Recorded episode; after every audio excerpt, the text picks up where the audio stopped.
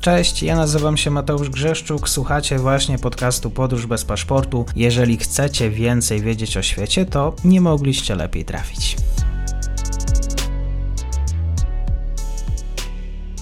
Dzień dobry wszystkim słuchaczom. Dzisiaj mam przyjemność gościć panią dr Barbarę Judo-Kaliszewską z Katedry Teorii Polityki Myśli Polityczna Uniwersytetu Łódzkiego. Dzień dobry pani doktor. Dzień dobry panu, dzień dobry państwu. Będziemy rozmawiać o Litwie, o groźbach Moskwy, które są kierowane właśnie w stronę Wilna. Tak wyjaśniając dla słuchaczy, którzy nie wiedzą, nie obserwowali właśnie skąd to napięcie na linii Moskwa-Wilno?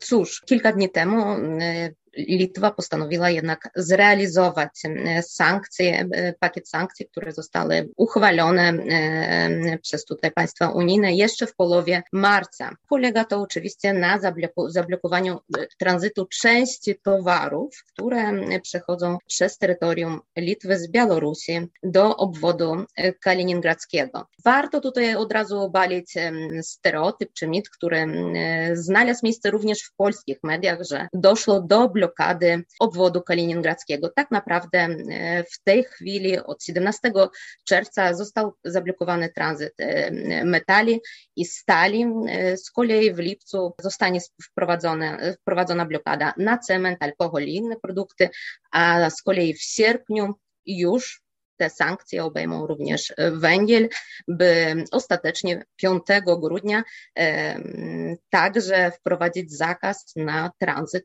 ropy naftowej przez rosyjskiej ropy naftowej przez terytorium Litwy. I jakie reakcje właściwie litewskich władz na, na te słowa y, Moskwy? O czym, że tak powiem, jakie komentarze wśród litewskich ekspertów? Y, no oczywiście Moskwa zareagowała y, niezwykle emocjonalnie, jak to zazwyczaj bywa w takich przypadkach. Strona moskiewska mm, osobie Marii Zacharowej, czyli tutaj tubie, tuby propagandowej Ministerstwa Spraw Zagranicznych ogłosiła, że Rosja rozważa rozważa inne środki niż tylko dyplomatyczne, e, rozważa realne środki tutaj odwetowe. Strona litewska e, stosunkowo spokojnie podeszła do, do tej retoryki, która jest niezmienna, przypomnijmy sobie, od wielu lat, a szczególnie nasiliła się po, e, po 24 lutego. W związku z powyższym zarówno i prezydent, i pani premier w wywiadach, czy to w debatach sejmowych, które również miały miejsce na ten temat, e, wskazywały, że nie jest to rzecz nowa, że te decyzje zostały podjęte jeszcze w marcu, dopiero teraz są wdrażane. W związku z powyższym również strona rosyjska musiała być przygotowana na, takie, mm, na taki rozwój sytuacji I, i zdaje się, że rzeczywiście mogło tak być, ponieważ wczoraj ukazał się sondaż przeprowadzony przez portal Delphi wśród mieszkańców obwodu kaliningradzkiego, gdzie wybrzmiewały opinie między innymi na temat tego, że państwo jest przygotowane, więc obywatele są spokojni, niepokoją się i e, uważają, że e, uda się również e, poradzić w tych trudnych warunkach, jakie się w tej chwili znowuż dla nich kształtują. Mhm.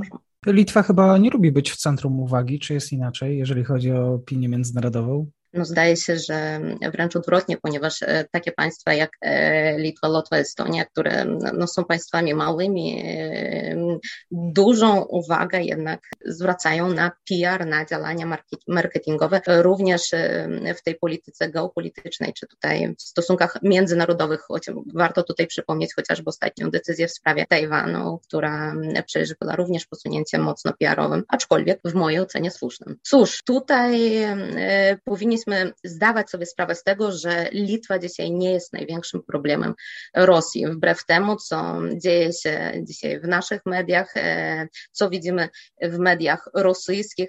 Ten temat rzeczywiście został mocno nagłośniony, mocno tutaj i aktywnie komentowany, jednakże proszę pamiętać, że równolegle gdzieś tam na wschodzie Rosji. W tej chwili uniezależnia się Kazachstan, w tej chwili uniezależnia się Kaukaz, w tej chwili mocno rośnie w sile, rosną w sile Chiny, więc tak naprawdę państwa bałtyckie, na których w tej chwili skupiono uwagę przede wszystkim społeczeństwa rosyjskiego, no nie są największym problemem Rosji, która zdaje sobie sprawę z tego, że Rosjanie nie wybaczają porażek. Mhm. Rosjanie nie wybaczają porażek, dlatego warto tutaj mówić o rzeczach mniej istotnych.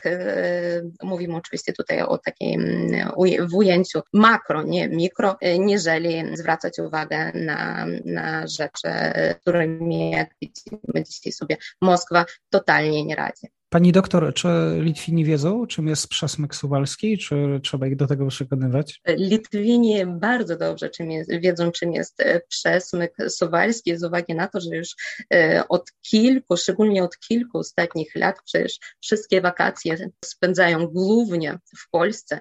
Zakupy, zakupów dokonują głównie w Suwalkach i Augustowie z uwagi na no jednak na ogromną dysproporcję e, cen. W związku z powyższym przede wszystkim ze względów ekonomicznych z pewnością szary zwykły obywatel Litwy martwi się o mm, ewentualne zamknięcie tej drogi. Ale miejmy nadzieję, że jednak do tego nie dojdzie, tak jak wczoraj między innymi dla Onetu komentował specjalista z Ośrodka Studiów Wschodnich Bartosz Chmielewski. Powtórzę za nim, że jednak e, zdaje się, że Rosja rzeczywiście jest tak mocno uwiklana w tej chwili mm, militarnie przede wszystkim działania na Ukrainie, że otworze, otworzenie tutaj otwarcia drugiego frontu i bezpośredni atak na państwo należące do Paktu Północnoatlantyckiego dzisiaj nie byłoby absolutnie wskazane, zwłaszcza kiedy trwają negocjacje dotyczące tej, wzmocnienia tej wschodniej flanki znowuż NATO. Dzisiaj gościem podcastu była pani dr Barbara Jondo-Kaliszewska. Bardzo dziękuję za ten komentarz, również z litewskiej perspektywy. Do usłyszenia.